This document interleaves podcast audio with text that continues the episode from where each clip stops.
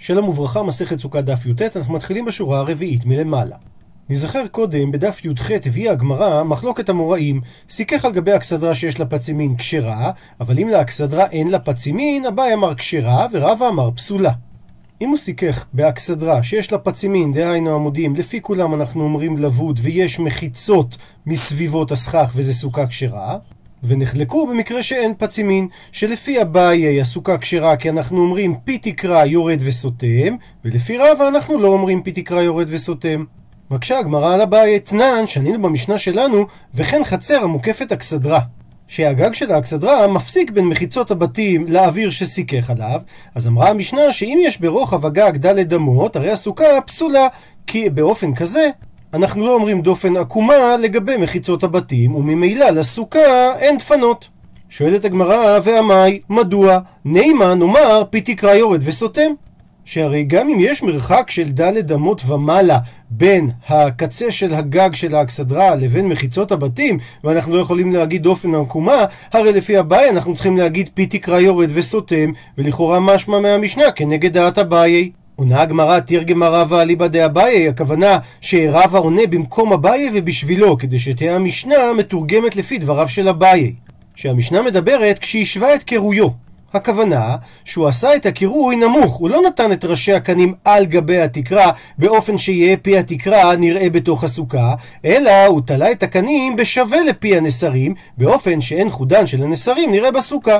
בשלב השאלה הבנו שהקנים, הסכך, נמצא על גבי האכסדרה, ולכן השאלה הייתה למה אנחנו לא אומרים פי תקרה, שזה החוד של הנסרים, יורד וסותם, וזה לא כאביי. וענה רבא שמדובר שהסיכוך הוא בגובה האכסדרה, וממילא אין פי התקרה נראה למי שנמצא בסוכה, ולכן גם לפי הבית לא נאמר פי תקרה יורד וסותם במקרה כזה. את הגמרא, בסורה, בישיבה של סורה, מתני להא שמטה בהאי לישנא. למדו את השמועה, את המחלוקת של אביי ורבא, באופן שלמדנו עד לפה. לעומת זאת, בישיבה בפומפדיטה, מתני שנו את המחלוקת באופן הבא. סיפקך על גבי אכסדרה שאין לה פצימין, דברי הכל פסולה. מסביר רש"י שכיוון שהתקרה לחלל האכסדרה היא עשויה ולא לאוויר שחוצה לה שעליו הוא סיכך, ממילא אין פיה של האכסדרה נעשה מחיצות עבור האוויר ולכן אין פה מחיצות לפי אף אחת מהדעות עבור הסוכה. לעומת זאת, במקרה שיש לה פצימין, אביי אמר כשרה, רבא אמר פסולה. מסבירה הגמרא. אביי אמר כשרה מדוע? כי אמרינן לבוד. רבא שאמר פסולה מדוע? כי לא אמרינן לבוד. מסביר רש"י, אביי אמר כשרה כי אנחנו אומרים לבוד, אפילו שהפצימין הם נועדו עבור חלל האכסדרה, ולא לאוויר החיצון. בכל זאת, זה נחשב מחיצה טובה, כי כל פחות משלושה זה נחשב סתימה מעולה, ולכן אנחנו יכולים להתייחס לסתימה, למחיצה על ידי הלבוד, גם לכיוון הבתים וגם לכיוון האוויר. לעומת זאת, ורבא אמר פסולה, כי לבוד זה לא מחיצה. אלא זה דין מהלכה למשה מסיני, וכאשר למדנו את הדין הזה של אבוד זה מחיצה, זה רק עבור החלל שנעשה בשבילו המחיצה. אבל להפוך את זה שזה יהיה מחיצה גם כלפי בתים וגם כלפי האוויר, להכה ולהכה, לא. הוא מסיים את הגמרא, והלכתה כלישנא קמא. דהיינו, קודם כל הלכה כרבה, כי יש כלל שאביי ורבא הלכה כרבה, חוץ משישה מקרים שהם ראשי תיבות יעל כגם. אבל מה שהלכה כרבה זה לא כלישנא בתרא, לא כמו הלשון ששנו בפומפדיטה, כי מחיצה של אבוד אנחנו אומרים כן אפילו לצד החיצון, לאוויר. לעומת זאת, סתימת פי תקרה אנחנו לא אומרים אלא לגבי החלל שעבורה התבצעה אותה תקרה. מספרת הגמרא, רב אשי אשכחי לרב כהנא, מצא את רב כהנא, דקה מסכך על גבי אכסדרה שאין לה פצימין. מסביר רש"י שהסוכה שהוא ראה את רב כהנא עושה, היו לה שתי דפנות כהלכתם, למשל לדרום ומזרח, והשלישית הייתה סומכה על האכסדרה, והוא לא עשה בה את הטפח שאמרו חכמים. וחשב רב אשי ששתי דפנות כהלכתן, והדופן השלישית היא בעצם פי תקרא יורד וסותם כשיטת אביי. אמר לרב אשי לרב כהנא, לא סבר מר, האם אתה לא סובר כהדה אמר רבא, שרק אם יש לה פצימין כשרה, אבל אם אין לה פצימין פסולה? ורב כהנא, כמו יהודי טוב שמדבר עם הידיים, אך ולי הוא סימן לו בידיו שנראה מבפנים ושווה מבחוץ. אינמי, או גם נראה מבחוץ ושווה מבפנים. מסביר רש"י, שהיה שם פצים, עמוד, שיש בו מידה של טפח ויותר, אבל העמוד הזה היה עומד אצל הדופן שיוצאת באופן כזה, שמשוך רוחבו לאחורי הסוכה באורך, שהאכסדרה עודף על הסוכה, ואינו נראה לתוך הסוכה, אלא הוא היה עומד בשווה לדופן בסופו. ולכן הוא היה נראה למי שעומד מבחוץ, אבל הוא היה שווה למי שעומד מבפנים. כי לאותם העומדים בפנים הם לא היו יכולים לראות אותו. לעומת זאת, אותם העומדים באכסדרה מכנגד הסוכה ולא רואים את חלל הסוכה, הם כן היו רואים את רוחב הפצים הזאת בתחילת הדופן השלישית לסוכה.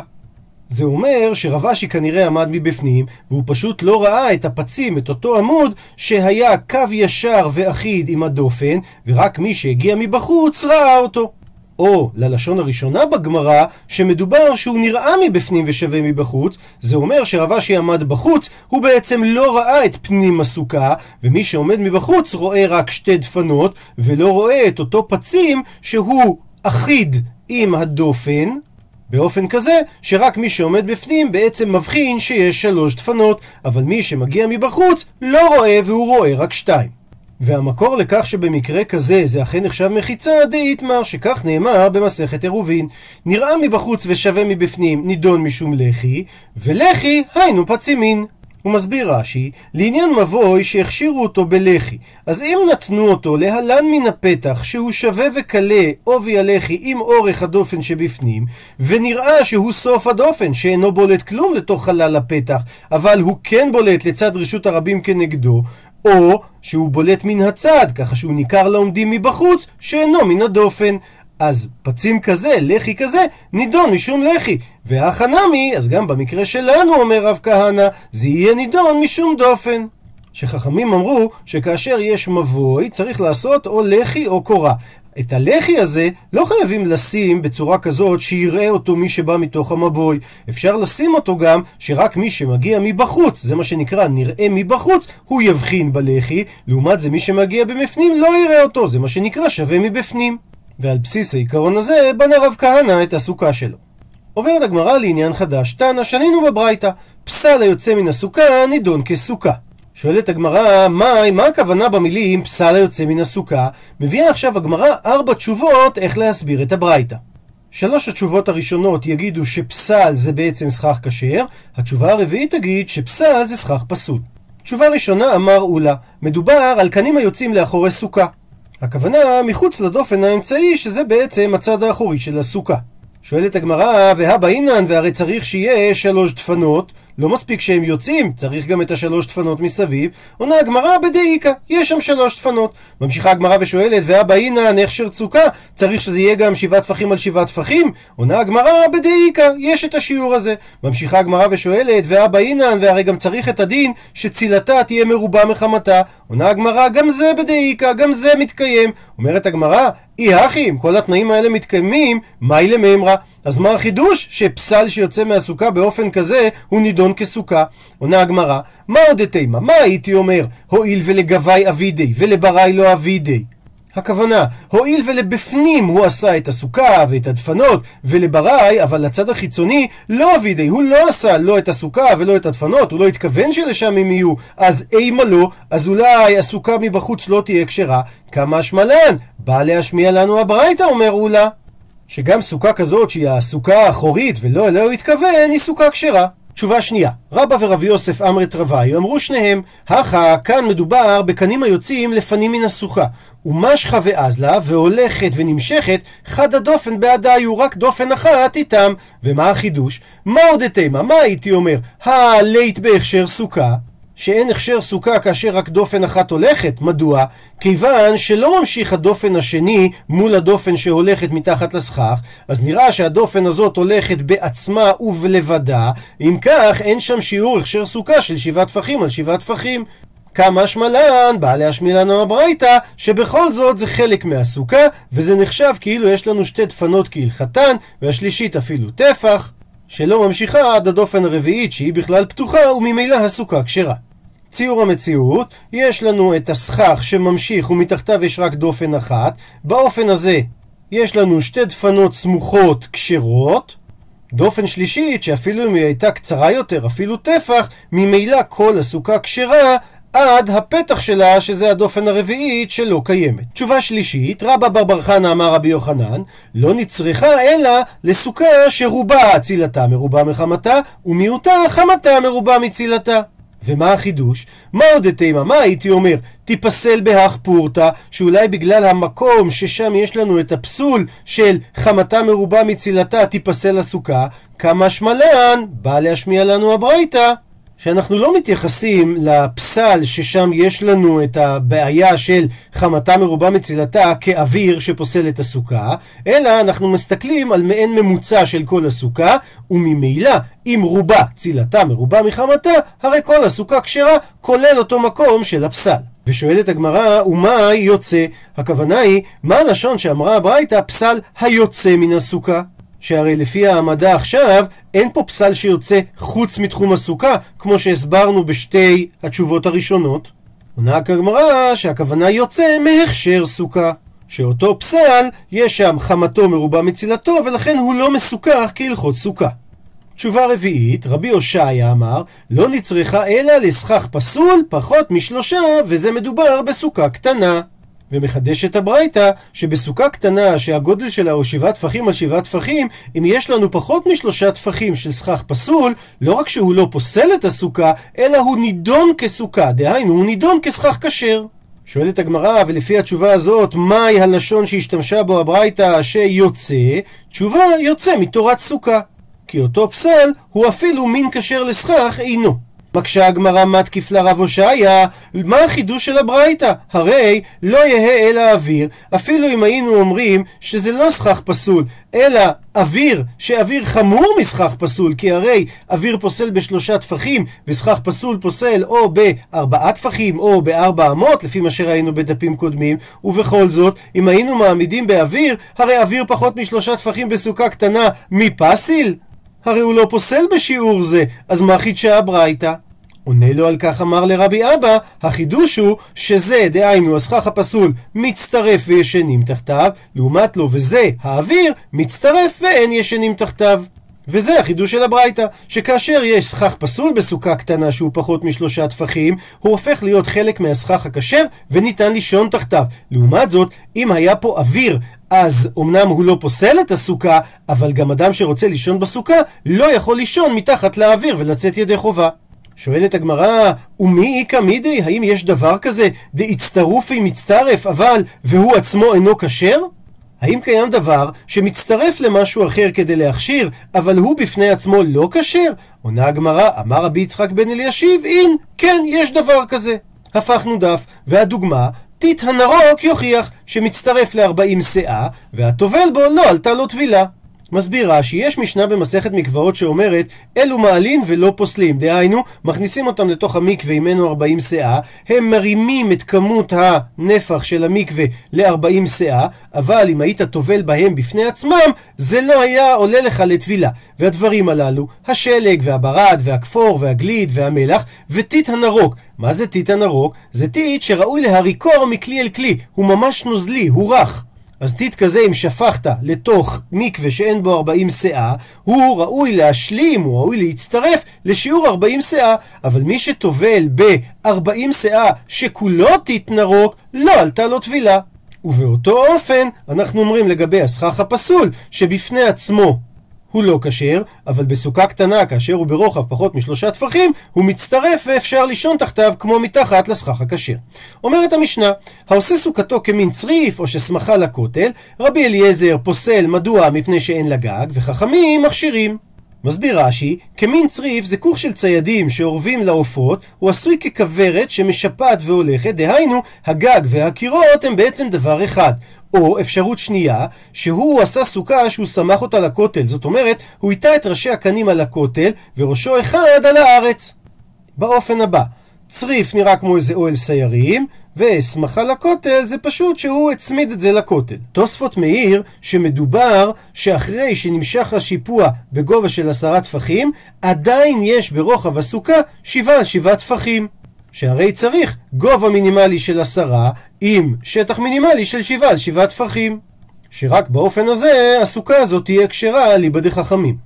הוא מסביר רש"י, שמה שרבי אליעזר פוסל מפני שאין לה גג, שאינו ניכר מהו גג ומהו כותל, שהרי אוהל משופע הוא לא נחשב אוהל, אלא אם כן יש בו טפח זקוף. לעומת זאת, חכמים מכשירים, כי הגמרא תגיד בהמשך, ששיפועי אוהלים כאוהלים. אומרת הגמרא, תנא שנינו בברייתא, מודה רבי אליעזר, שאם הגביה מן הקרקע טפח, ואומר רש"י, התרווה יוקאי. הכוונה שאנחנו מדברים על שני המקרים, גם על הצריף וגם על הסוכה שסמך אותה הכותל, שבמקרה כזה אנחנו אומרים לבוד בזקיפה, ואז יש שם טפח זקוף וניכר הצריף שהוא גג. ובגלל הטפח הזה יש שם שיעור אוהל בזקיפה, וממילא זה נחשב אוהל. אפשרות שנייה, או שהפליגה מן הכותל טפח. והמשפט הזה מדבר לגבי הסוכה שסמך אותה על הכותל, שאם הוא הרחיק את הראש הסמוך לכותל מהכותל טפח, במצב כזה, אנחנו אומרים לבוד ממנה ולכותל בשווה ולא בשיפוע, וממילא גם פה נוצר לנו גג.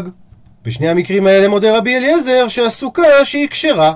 דהיינו, גם כאשר הוא מרים את הצריף, את האוהל סיירים, בגובה של טפח, אז האוהל סיירים עצמו כולו נחשב אוהל כי זה נחשב גג, ובאותו אופן, אם הוא הגביה את הסוכה שסמוכה לכותל על משהו בגובה טפח, או אפשרות נוספת, שהוא הרחיק את הסוכה שסמוכה בטפח ישר מהכותל. באופן הזה, נוצר לנו גג שהוא לא משופע, וממילא גם פה יש לנו שם של אוהל עם דופן. שואלת הגמרא, מהי טעמיו דרבנן? מה הטעם שחכמים הכשירו את שני המקרים האלה? עונה הגמרא, כי חכמים סוברים ששיפועי אוהלים כאוהלים דמו. ולכן אף על פי שהוא לא הגביה ולא הרחיק, הסוכה תהיה כשרה. ממשיכה הגמרא, אביי אשכחי לרב יוסף מצא את רב יוסף דקגני שהוא שוכב בקהילת חתנים בסוכה וקהילת חתנים היא קהילה שנראית כמו אוהל סיירים אמר לאביי לרב יוסף כמן כשיטת מי אתה נוהג כרבי אליעזר? שרבי אליעזר אמר שאוהל משופע לא נחשב אוהל ולכן אתה חושב שאתה נמצא בתוך קהילת החתנים ואתה בעצם עדיין יושב בתוך הסוכה? האם שווקת רבנן ועבדת כרבי אליעזר? הרי רבי אליעזר שיטת יחיד, איך עזבת את רבנן שזה שיטת רבים והלכה כמותם? אמר לה, עונה לו רבי יוסף, ברייתא איפחתני. יש לי ברייתא ששונה בדיוק הפוך, שרבי אליעזר מכשיר וחכמים פוסלים. אז אני אומר כמו חכמים. שואל אותו אביי, שווקת מתניתין ועבדת כברייתא? האם אתה עוזב את הנוסח של המשנה, שהוא ודאי הרבה יותר מדויק, ואתה עושה כמו הנוסח של הברייתא? אמר לי, עונה לו רב יוסף, מתניתין יחידה היא. המשנה שלנו היא שיטת יחיד, דתניא, שכך שנינו בברייתא. העושה סוכתו כמין צריף או ששמחה לכותל, רבי נתן אומר שרבי אליעזר פוסל מפני שאין לה גג וחכמים מכשירים. ומזה שבברייתא כתוב שרבי נתן אומר את הנוסח של המשנה שלנו, משמע שהמשנה שלנו זה שיטת יחיד. אבל חכמים שבדורו של רבי נתן היו חולקים עליו, והם היו אומרים, כמו הברייתא אומר רבי יוסף, שרבי אליעזר מכשיר וחכמים פוסלים, וממילא רבי יוסף נוהג כשיטת החכמים שפסלו את הצריף, דהיינו משהו שנראה כמו אל סיירים, בגלל שאין לה גג היא לא נחשבת סוכה, ולכן מותר לו לשבת בתוך קהילת חתנים, בתוך הסוכה. אומרת המשנה, מחצלת קנים גדולה. אם הסעה לשכיבה היא מקבלת טומאה ואין מסככים בה, לעומת זאת אם הסעה לסיכוך אז מסככים בה ואינה מקבלת טומאה. רבי אליעזר לעומת זאת אומר, אחת קטנה ואחת גדולה, אם הוא הסעה לשכיבה היא מקבלת טומאה ואין מסככים בה, ואם הוא הסעה לסיכוך אז מסככים בה ואינה מקבלת טומאה. אומרת הגמרא, הגוף הקשיא, הרי יש פה סתירה בתוך המשנה עצמה. מצד אחד אמרת שאם עשה את המחצלת לשכיבה, אז היא מקבלת טומאה כי היא כלי, ולכן ואין מסככים בה. ומזה נדייק טעמה דעשה לשכיבה, בגלל שהוא עשה אותה במפורש לשכיבה. אבל הסתמה, אם הוא היה עושה אותה סתמה, אז היא הייתה כשרה לסיכוך. והדרת אני, ואחר כך אנחנו שונים במשנה, שאם הוא עשה לסיכוך, אז מסככים בה ואינה מקבלת טומאה. ומזה נדייק שהטעם שמותר לסכך בה, זה בגלל שהוא עשה במפורש לסיכוך. אה, אם הוא היה עושה אותה סתמה, אז לשכיבה היא הייתה מיועדת, וזה בדיוק הפוך מהרישא. עונה הגמרא, הלא קשי, הדבר לא קשה. כאן ברישא מדובר במחצלת בגדולה, וכאן בסיפא מדובר במחצלת בקטנה. ולכן הסיפא לא דומה לרישא, כי בסיפא כתוב שאם קטנה היא ואז הוא עשה לסיכוך מסככים בה. זאת אומרת שהדיוק שלנו נכון, כי מחצלת קטנה בסתם היא עשויה לשכיבה. ממשיכה הגמרא להקשות המשך המשנה, רבי אליעזר אומר, אחת קטנה ואחת גדולה, זה תלוי מה המטרה.